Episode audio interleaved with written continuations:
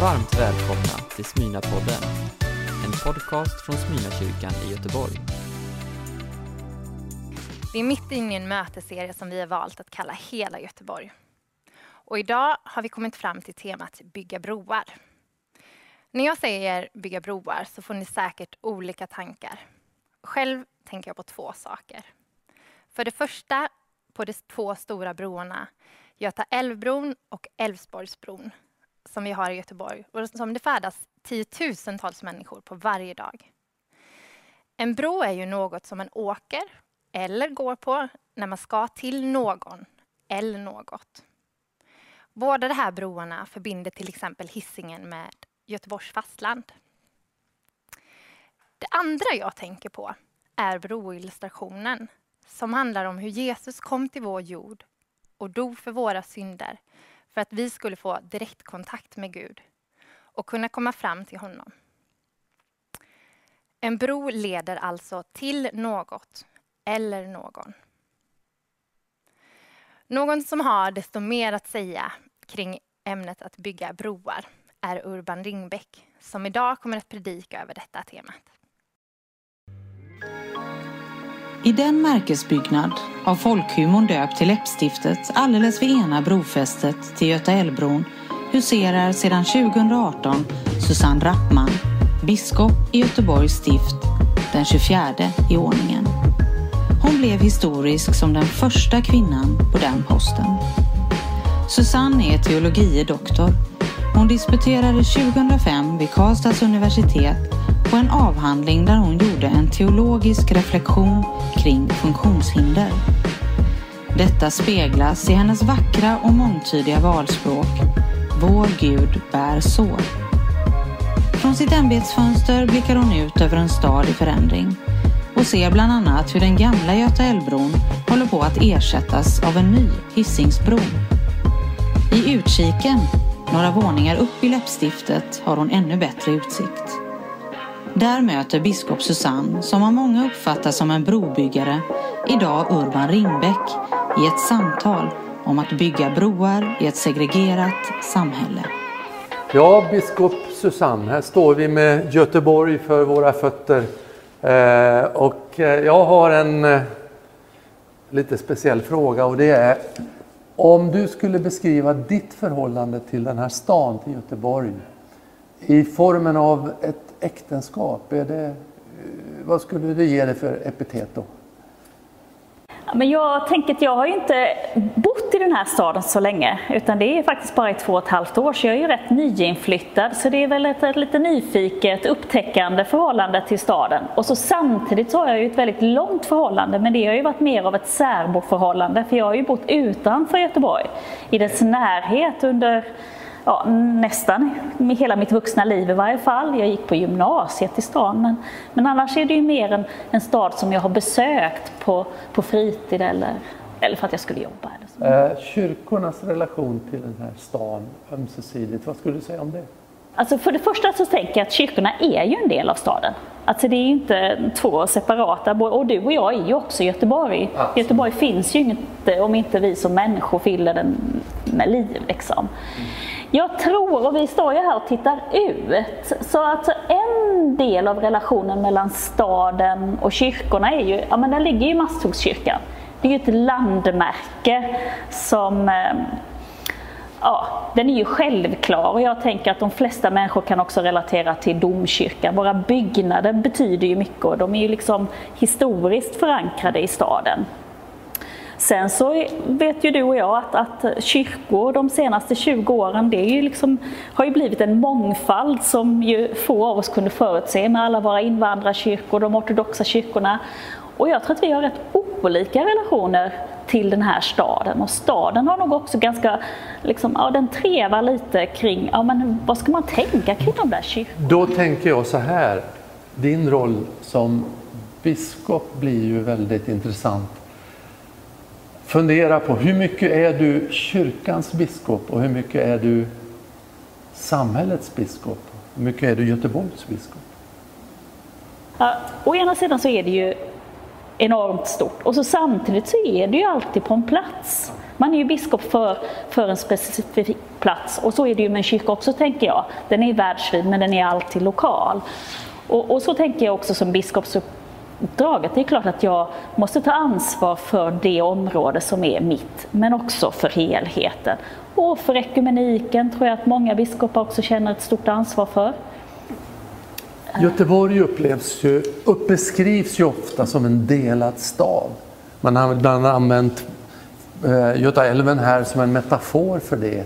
Eh, att eh, det går liksom en, en förkastningsspricka genom stan eh, och folk lever under väldigt olika förhållanden och, och så vidare. Eh, vad, alltså, precis där, när jag tittar åt det hållet, så ser jag två broar. En som ska tas bort och en som håller på att byggas.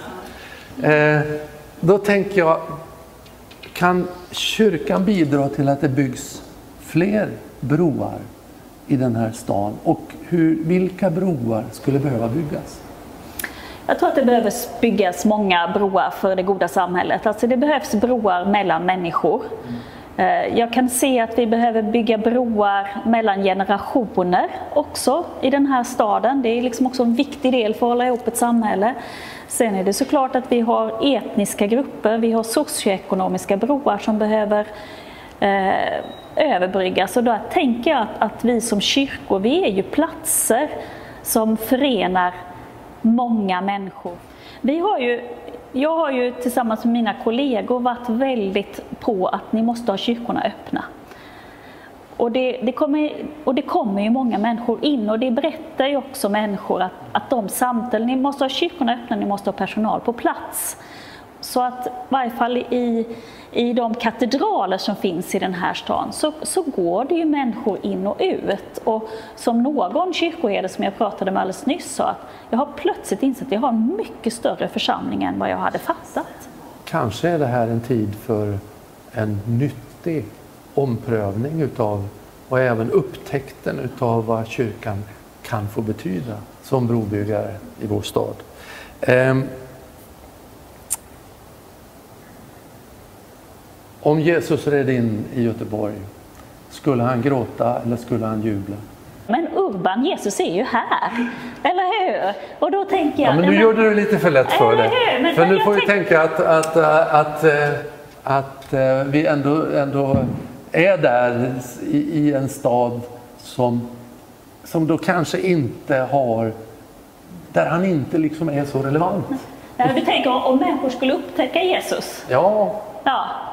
Och då tänker jag att nej, men jag tror att det finns många som, om man tänker att Jesus kom hit så liksom gående, så är det nog många som har för lite kunskap, inte har på sig glasögonen för att se att hoppsan, här händer det något. Eh, det tänker jag att vi har ju en utmaning att berätta de kristna berättelser så att någon kan liksom fatta att ja, men det här handlar också om mig och mitt liv. Eh, det tror jag att eh, om man liksom tar den mer seriösa bilden eller, eller ja, tar frågan på det sättet. Så, sen tror jag att en del skulle tänka att ja, kan det komma något gott från Israel och Palestina? Ja, men vad tror du skulle göra honom ledsen när han tittade på Göteborg? Nej, men det är ju, alltså Jesus besöker ju den som är i marginalen och det finns alldeles för många människor i den här stan som känner sig marginaliserade. Och det tycks nästan öka?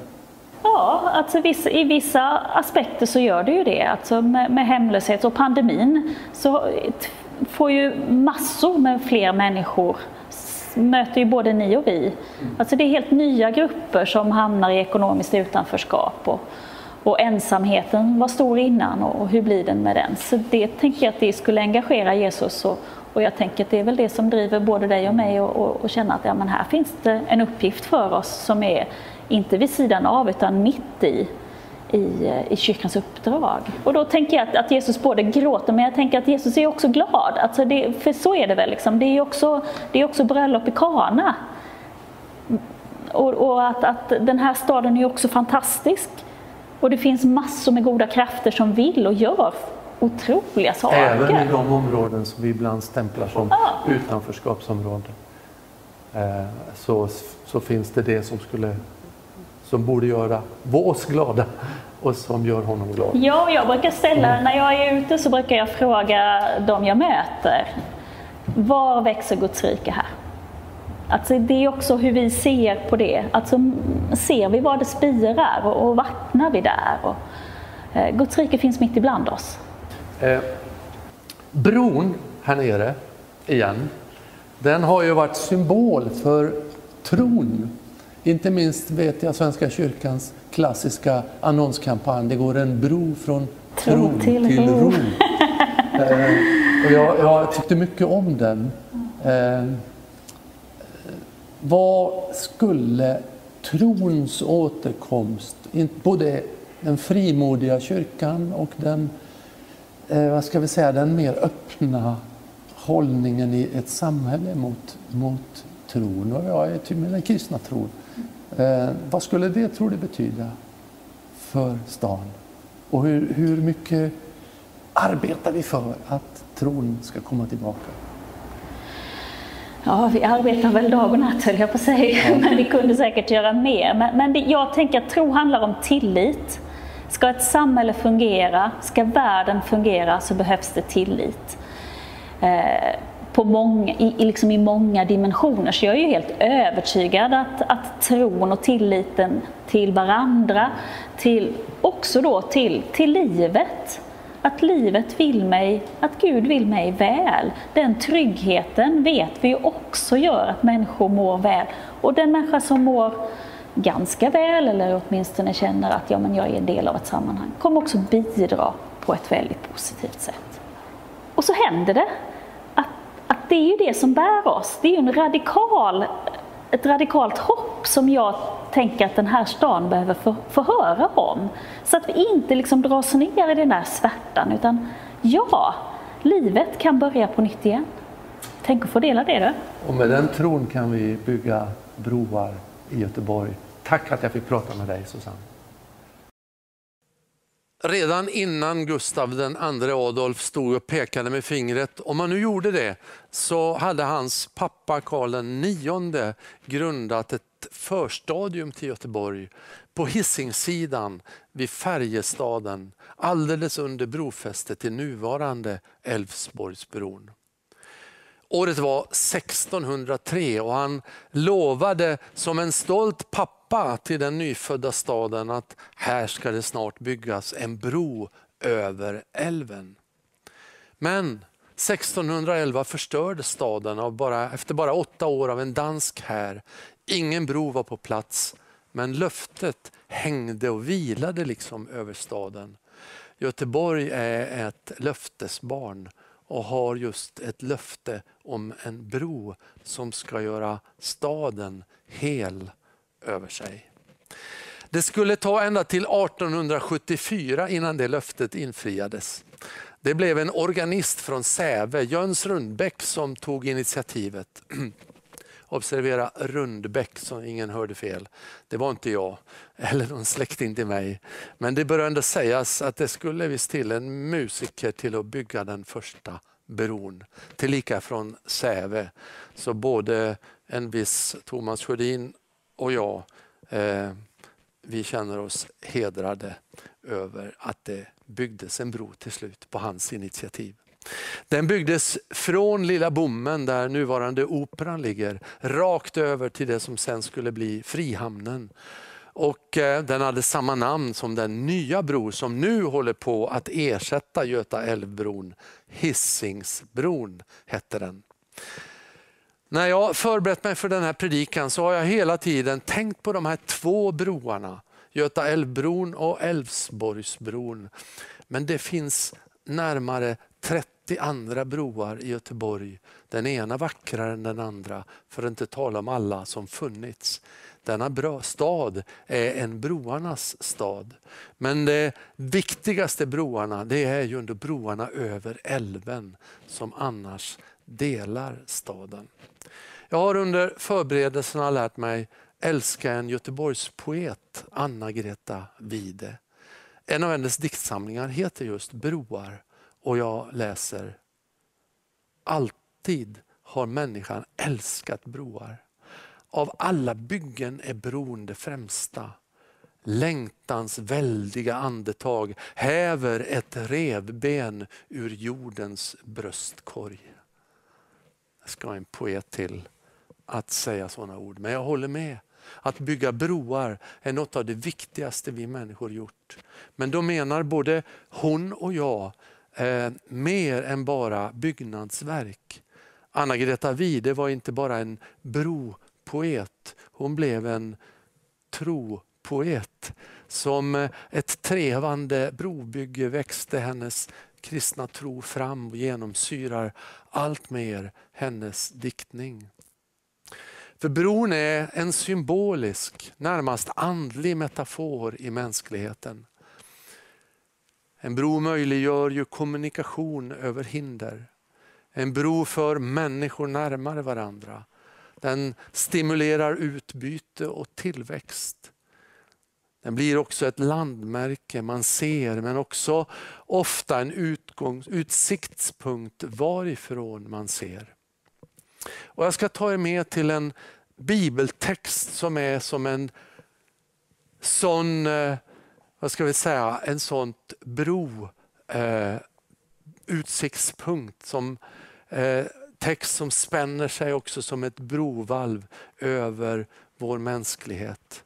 Så här säger Paulus i Efesus som för övrigt på många sätt liknade vår tids Göteborg.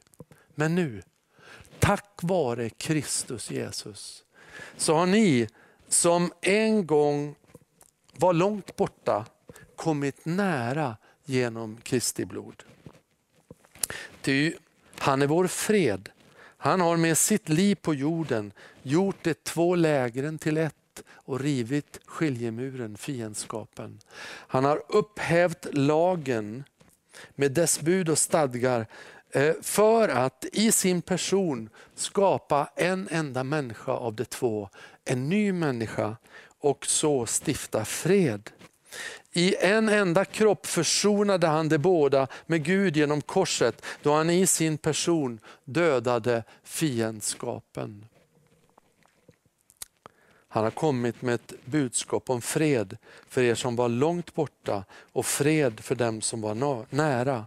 Ty genom honom kan både vi och ni nalkas Fadern i en enda ande. Alltså är ni inte längre gäster och främlingar utan äger samma medborgarskap som det heliga och har ert hem hos Gud. Ordet bro återfinns faktiskt inte i Bibelns texter. Inte så konstigt då mer avancerade brobyggen eh, tycks ha tagit fart just först med romarriket eh, som var i sin linda när Nya Testamentet skrevs.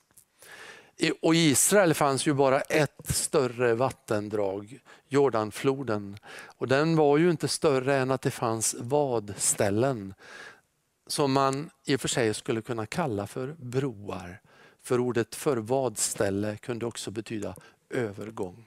Viktiga saker skedde i både nya och gamla testamentet vid vadställen över floder. Jakobs kamp med Gud vid floden Jabboks vadställe i nuvarande Jordanien är ju en av Bibelns starkaste texter om ett gudsmöte.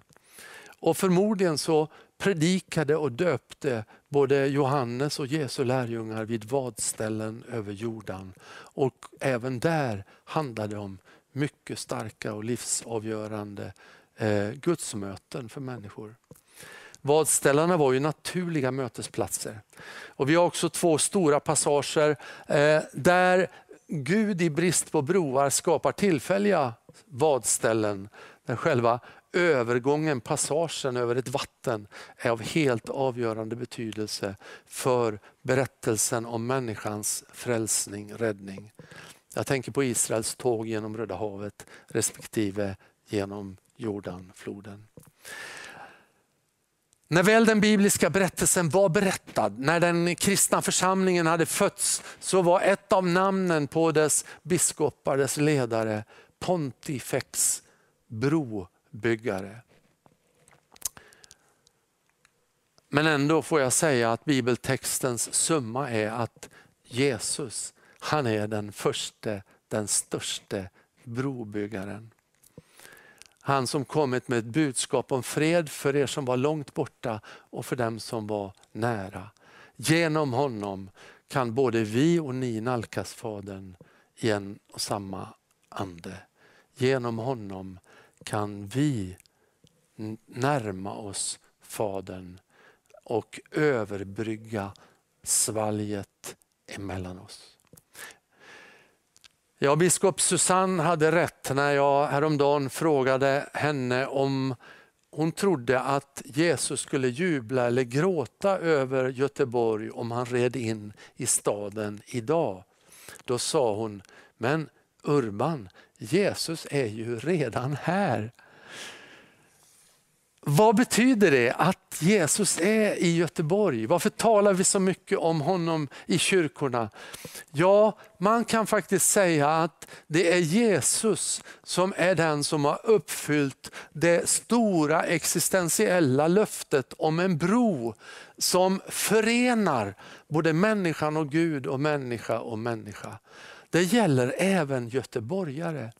Så innan vi nu stressar upp oss inför alla bro, allt brobyggande som behöver göras, och jag återkommer till det, så måste jag som kristen förkunnare slå fast att Jesus, den största brobyggaren, har redan varit här och gjort sitt jobb på jorden inklusive Göteborg och slagit ett valv, ett brovalv mellan jord och himmel genom universum.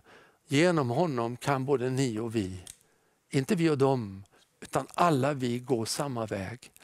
På samma villkor försonas, förenas med vår skapare och Gud och på försoning följer alltid fest och gemenskap. Kristen tro är inte ett antal dogmer utan en upprättad kommunikation och relation med Gud genom Jesus. Nu får vi ändå gå i hans fotspår och bygga broar. Och låt oss då bygga av samma material, nämligen tillit ett nyckelord när det gäller en bro är bärigheten. Man måste kunna lita på en bro. Varje gång jag svänger upp på någon av Göteborgs broar så utför jag en handling av tillit. Jag litar på att den bär. Det är därför jag tänker på tro i samband med broar. Vi pratade om detta, eh, biskopen och jag. Ett annat ord för tillit är just tro.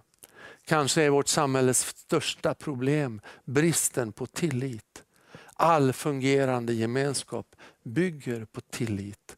Men misstro, misstänksamhet, rädsla, lögner, hat river sönder gemenskapen. Det gäller oss som individer, men det gäller också ett samhälle. Det gäller en stad. Och visst känner vi att tilliten, kittet i, ett, i vårt samhälle, i hela vårt västerländska samhälle, att det liksom håller på att ge vika. Ehm, vi behöver bygga broar av tillit för att hela Göteborg. Det måste finnas rejäla brofästen. Ett vid vardera änden på en bro. Det är ju där det börjar. Och Då tänker jag att gå till oss själva. Nu representerar jag en kyrka. Eh, och tillsammans med biskopen som har varit med i den här gudstjänsten så representerar vi många kyrkor i den här stan. Ja, faktiskt i den fina ekumenik som finns i vår stad skulle jag säga att där är vi alla i stort sett med. Och vi skulle kunna vara brofästen som bygger tillit i den här stan. Och just insikten som troende att vi har vår identitet, inte i en viss samhällsklass, inte i en subkultur, inte i ärvda traditioner och normer, inte i våra titlar och meriter, utan vi har insett att vi alla är skapade och älskade av Gud och i vår svaghet försonade med honom genom Jesus Kristus. Jag skulle vilja bli nu lite konkret och nämna ett antal brobyggen som behöver komma igång där det inte existerar. Ta fart där det går för långsamt och nystarta där det har stannat av. Vi behöver bygga broar av tillit mellan olika stadsdelar i vår stad. När man, eh, det man kallar de socioekonomiska klyftorna, de är till, inte för att skilja oss åt utan för att överbryggas. Och det etniska, kulturella, Ja, det här är inga enkla frågor. Jag tror inte det är en fråga för bara politiker. Det är en fråga för oss alla. Också vi som kyrkor som på ett eller annat sätt finns i stort sett i alla stadsdelar om vi tittar över hela, alla kyrkofamiljer. Vi behöver bygga broar av tro och tillit mellan det ideella och det offentliga samhället. Vi behöver förstå att det finns olika roller där Eh, det offentliga samhället kan lösa många knutar, men det finns också annat där det måste till den idealitet, det civilsamhällets krafter måste få spela sin roll. Vi måste få en nystart av det vi kallar för Göteborgs andan som bygger på tillit, gemenskap, kärlek till vår stad, ansvarstagande. Tänk om Hjärta Göteborg, kyrkornas gemensamma gåva till stadens 400-årsjubileum som vi nu kommer att fira 2023 som ni vet av kända orsaker. Den gemenskapen som sakta växer sig allt starkare kunde bli det breda initiativet för ett bättre Göteborg. Jag tror det går att bygga djupare tillit mellan olika grenar av kyrkan.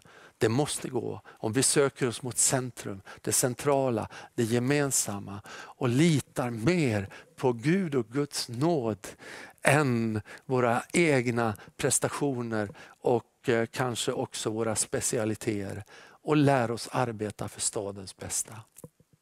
Och så behöver vi bygga broar av tillit mellan generationerna. Ingen åldersgrupp klarar sig själv och det är många, många unga där ute som far illa. Och det är många, många äldre som också far illa och allt däremellan. Ja, nu börjar jag närma mig slutet på min predikan. Låt oss bli, bli brobyggare mot det som kanske ändå är vårt största vår största utmaning i en storstad som vår. Ensamheten. Anna-Greta Wide använder ett bibliskt språkbruk från skapelseberättelsen. Eh, därifrån orden om rebenet som häver sig ur bröstkorgen. Det om rebenet står granne med ordet om att det inte är bra för Adam att vara ensam. Adam betyder människa.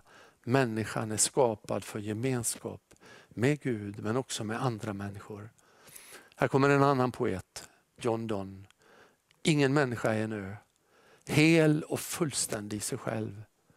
Varje människa är ett stycke av fastlandet, en del av det hela.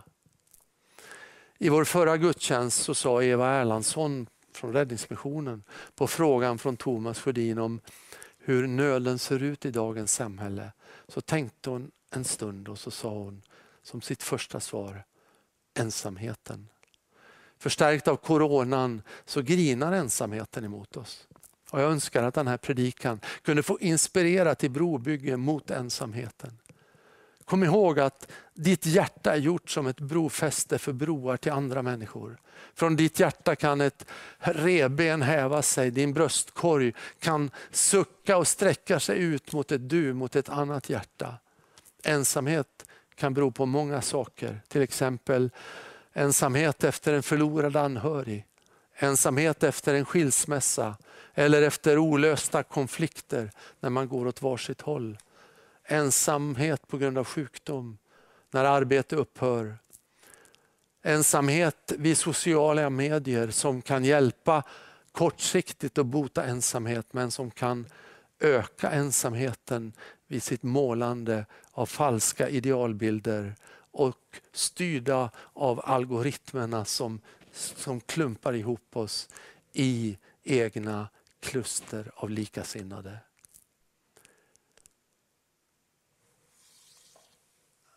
Vi måste bygga, bygga broar mot ensamheten. Ibland finns ju bron där. Eh, det finns relationer redan, men eh, de liksom har inte blivit vårdade. Det är dags att ta initiativ och gå över den. Eh, att vårda vänskap, väcka liv i gamla relationer. Och Vi sitter ofta på varsitt håll och väntar. Och jag skulle bara säga, vänta inte på varandra.